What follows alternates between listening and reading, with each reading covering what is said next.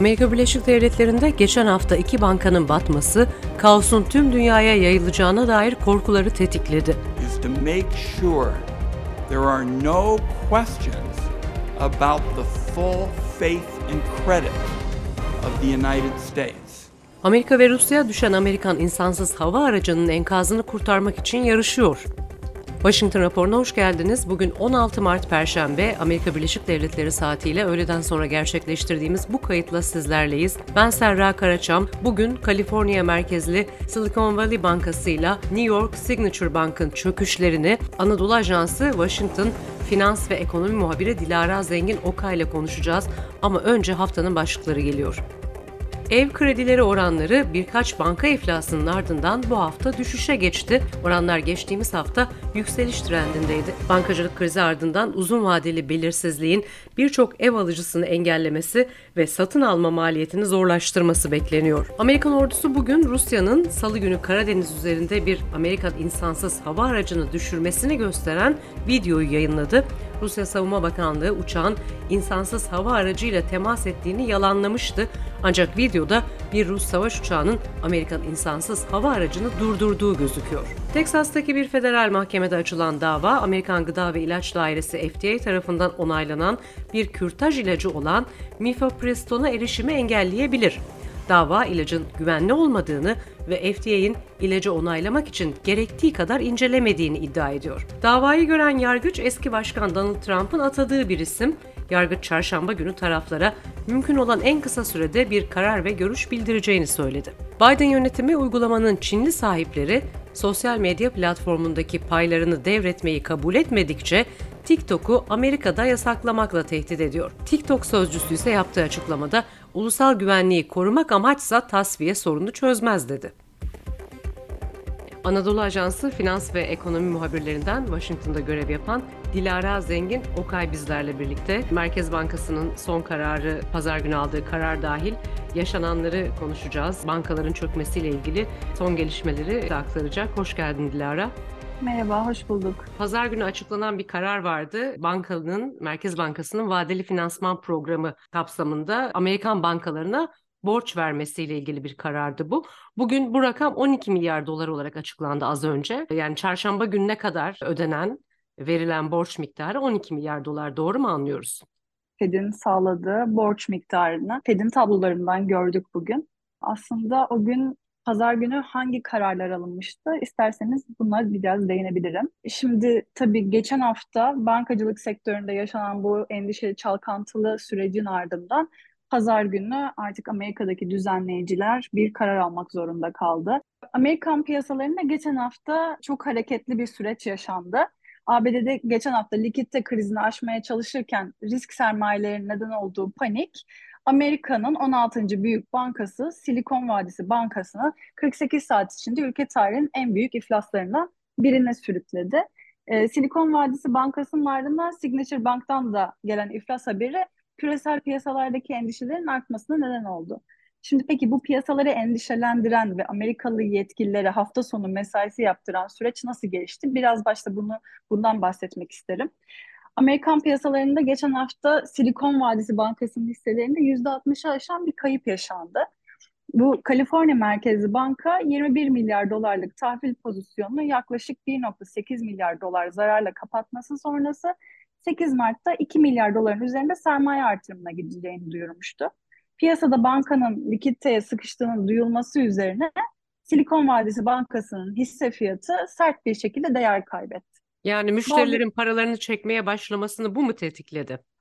Aynen öyle bu panik ve bazı girişim sermayesi yatırımcılarının da şirketlere paralarını bankadan çekmelerini tavsiye etmesi sonrası bankanın kayıplarının sürmesiyle de işlemleri e, askıya alındı. Aynı gün bu arada Silikon Vadisi ile paralel olarak çoğunluğu kripto para birimi işlemleriyle ilgilenen Silvergate Capital'ın da operasyonlarını durdurmayı planladığını açıklamasının ardından onun da hisseleri %40'ın üzerinde düşmüştü. Böylece piyasalarda bankacılık hisseleri öncülüğünde sert bir düşüş yaşandı. E, Cuma günü ABD Hazine Bakanı e, Janet Yellen piyasalarda kayıpların ve bankacılık sektörüne ilişkin endişelerin artmasının ardından e, bankalarla ilgili gelişmeleri dikkatle izlediğini açıkladı. Bu Silikon Vadisi Bankası'nın hızlı çöküşü bankacılık düzenleyicilerini harekete geçmeye zorladı ve Amerika Federal Mevduat Sigorta Kurumu 10 Mart'ta yani Cuma günü piyasalarda düşüşe neden olan bu Silikon Vadisi Bankası'na kayyum atandığını duyurdu. FDIC, kısaltması FDIC olan bu kurumun açıklamasında banka müşterilerinin sigortalı mevduatlarına en geç pazartesi sabahı erişebileceği aktarıldı. Ancak tabii şöyle bir durum var. Silikon Vadisi Bankası'na yatırılan paraların %90'dan fazlasının FDIC tarafından sigortalı olmaması durumu endişeleri daha da artırdı. Hisselerdeki düşüşün e, neden yaşandığına dair bir bilgi var mı peki? Hisselerdeki düşüş tamamen bu işte bankadan kaçış, bank run diye de ifade ediliyor.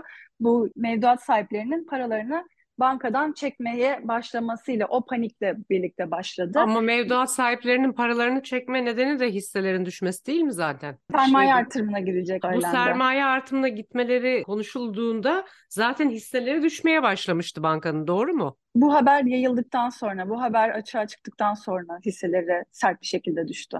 Ve eş zamanlı şekilde de mevduatlar çekilmeye başlandı. Müşteriler Çünkü er- paralarını. ertesi gün piyasada bu bazı girişim sermayesi yatırımcılarının bu e, şirketlere paralarını çekmesini tavsiye etmesi sonucu da kayıplar iyice arttı ve sonra zaten bankanın işlemleri askıya alındı. Aslında bir nevi manipülasyon da söz konusu olabilir mi? Çünkü Biden yönetimi de önce ne olduğuna bakacağız, önce ne olduğuna bakacağız diyor Beyaz Saray sürekli. Yani şu sebepten oldu denilemediği için nasıl bir önlem alınması, düzenlemenin hangi tarafta, bankacılık tarafında mı, işte hisselerle ilgili diğer düzenlemelerde mi yapılacağına dair bir e, hani ona göre politikada gelişemiyor gibi görüyorum ben. Sen nasıl görüyorsun?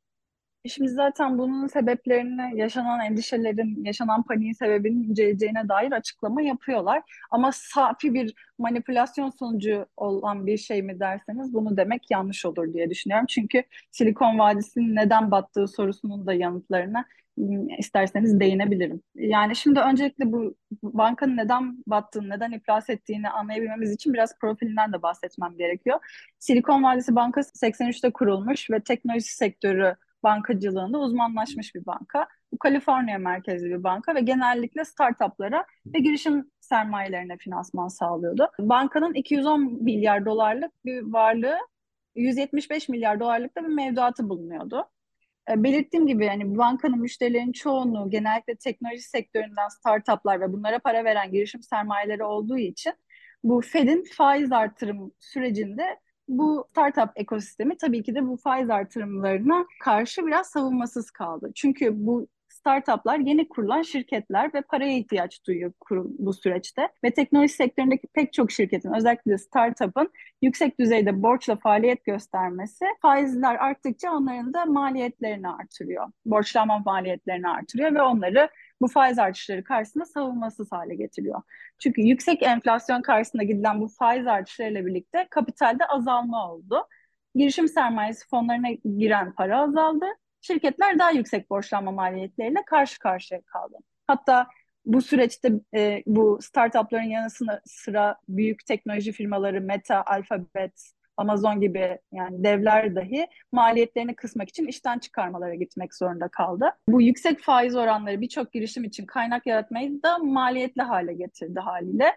Ve e, bazı Silikon Vadisi müşterileri de likidite ihtiyaçlarını karşılamak için paralarını çekmeye başladı. Geçen hafta Perşembe günü sadece bir gün içinde Silikon Vadisi Bankası'ndan 42 milyar dolar dolara yakın paranın çekildiğine ilişkin haberler vardı. Şimdi bu Silikon Vadisi çekilen paraları karşılamanın yollarını ara, aramaya gitti ve elindeki finansal varlıkları satmak zorunda kaldı. Yani tahvil satışına gitmesine neden oldu bu durum. Ancak devam eden faiz artışları tahvilleri de negatif etkilediği için banka tahvil e, pozisyonunu bu yüzden zararla kapattı. Şimdi uzmanlar bunun yanı sıra tahvil piyasasındaki kayıplar nedeniyle bankaların toplam kaybının 600 milyar doların üzerinde olduğunu belirtiyor. Silikon Vadisi Bankası'nın iflasında ayrıca bankanın iyi bir risk yönetimi ve çok yönlü müşteri portföyü olmamasında etkili olduğunu savunanlar da var. Silikon Vadisi Bankası'nın iflası işte Amerika'da en büyük ikinci banka iflası olarak tarihe geçerken e, bunun sektöre yayılması endişeleri de ortaya çıktı. Bunun üzerine de yetkililer e, pazar günü bir takım önlemler aldı. Evet, şimdi e, tarihin ikinci en büyük dedik. Aslında 2008 krizi e, manzarasından korkuluyor. 2008 krizi sonrası da Obama yönetiminin getirdiği sıkı düzenlemeler bilinmek bu sektöre dair.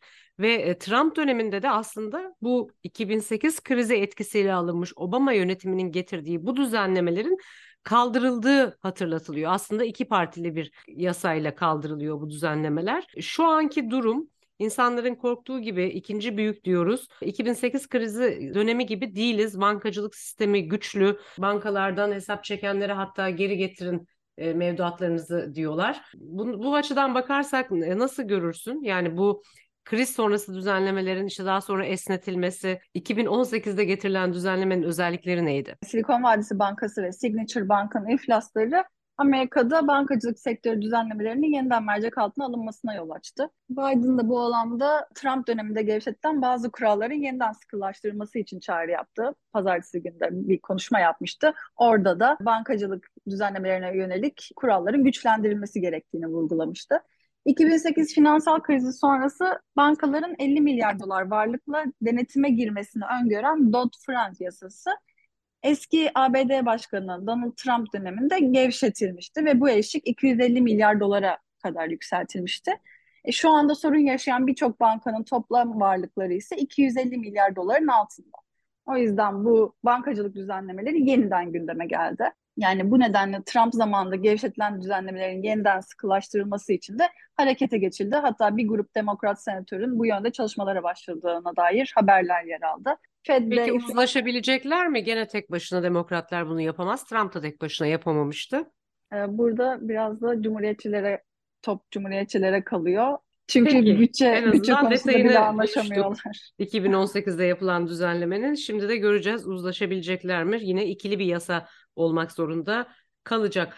Bir hafta uzun bir zaman piyasalar açısından ama baktığın zaman bu son tepkilere işte konuşulanlara güçlü bir tepki verilebildi mi? Güven telkin edilebildi mi sence? Bankacılık düzenleyicilerin kısa sürede harekete geçmesi aslında bunda çok büyük rol oynadı. O yüzden hani 2008'deki bir krizin olmayacağını savunuyor uzmanlarda. Kimisi işte fuar operasyonunda, kimisi başka bir yerdeyken paralarına ulaşamayacak duruma geldiler birdenbire. Ama e, bir nevi de bir destek sağlanmış gibi görünüyor tabii şimdilik. Yatırımcılara dair düzenlemelere ne dersin? Sadece e, hesap sahibi müşterilerin e, parası güvence altında. Banka yatırımcılar başka bir düzenlemeye tabi yani hisse senedi alıcıları ve sahipleri. Bu konuda da sürekli bir aslında baskı oluştu yönetimin üzerinde ama yönetim bu baskıyı sürekli itiyor. Bu konuda neler söyleyebilirsin? Şimdi ABD Hazine Bakanlığı, Fed ve FDIC bu Silikon Vadisi Bankası ile Signature Bank çerçevesinde yaşananlara ilişkin pazar akşamı ortak bir açıklama yaptı ve mevduatların korunmasına ilişkin alınan kararları duyurdu.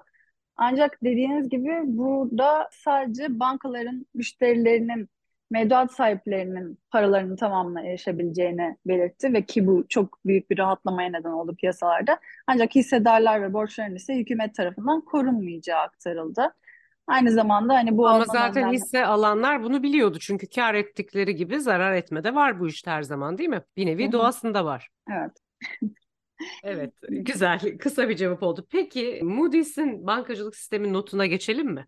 E, tabii bu tabii e, bankacılık sektöründe bu artan endişeler kredi derecelendirme kuruluşlarından da ard arda açıklamaların gelmesine neden oldu. Bu, bu kapsamda Moody's iki iflasın ardından 6 ABD bankasının kredi notunu izlemeye aldı. Yani bu ne demek? Her an bu bankaların kredi notlarının düşürülebileceği anlamına geliyor. Ve e, bu bankaların yani mevduat çıkışı riskine maruz kaldığını bize anlatmak istiyor. Bankacılık sistem notu negatif. Peki diğer konuda tartışılan en büyük konu aslında direkt bu oldu. Bu bankalarda yaşananlardan sonra faiz oranlarındaki artış kararlarının sürüp sürmeyeceği, artış olacaksa bile yavaşlayarak mı olacak? E, bu konuşuldu. Çünkü faiz artışı bir mücadele metodu. Kriz sonrası neden bu yavaşlama gündeme geldi faiz artışlarında? Şimdi şöyle bu banka iflasları aslında Fed'in faiz kararına ilişkin bütün beklentileri alt üst etti. Çünkü Fed'in şimdi gelecek hafta merakla beklenen Federal Açık Piyasa Komitesi toplantısı var ve günler kaldı. Bu bankacılık sektöründe yaşananlar ise Fed'in faiz kararına ilişkin belirsizlikleri daha da artırdı. Şimdi Fed Başkanı Jerome Powell geçen hafta ABD Kongresi'nde bir takım şahin mesajlar vermişti. Son verilerin beklenenden çok daha yüksek geldiğini söylemişti. İşte e, Fed'in nihai faiz oranının beklen, beklenenden daha yüksek bir seviyeye çıkabileceğini açıklamıştı. Ve aynı hafta istihdam verileri de çok güçlü gelmişti ve bu iki durum sonrasında yani Powell'ın açıklamaları ve güçlü gelen istihdam verileri sonrası bir 50 bas puanlık faiz artışı beklentisi artmıştı piyasalarda. Ancak Silikon Vadisi Bankası ve Signature Bank'ın iflası ile bu 50 bas puanlık faiz artışı beklentileri ortadan kalktı.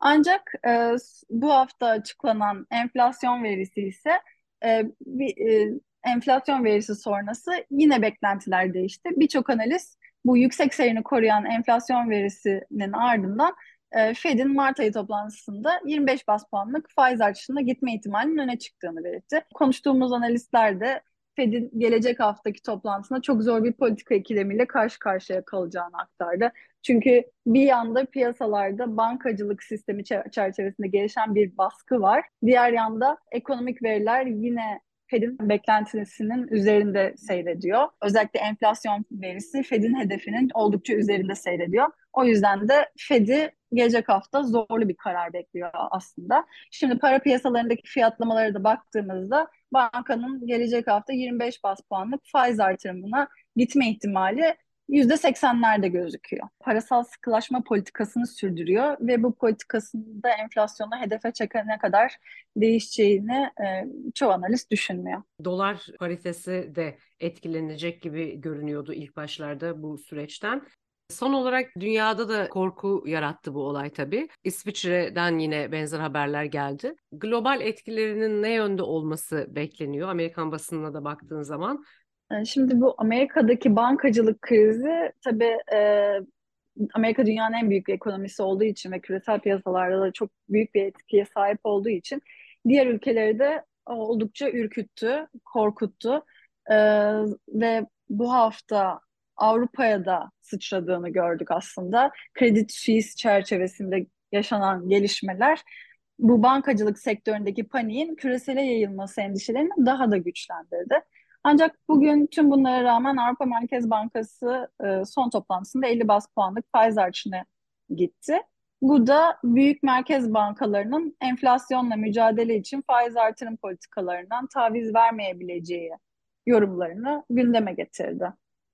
Ama netice itibariyle merkez bankalarının sırtında gibi yük değil mi? Öyle gözüküyor. Zorlu bir süreç bekliyor.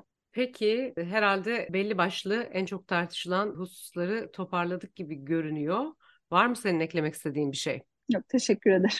Anadolu Ajansı ekonomi muhabiri Dilara Zengin Okay'a teşekkür ediyoruz. Aslında bu biraz daha sürecek bir hafta daha belki yoğun gündemde olacak bir konu gibi gözüküyor. Teşekkür ediyorum.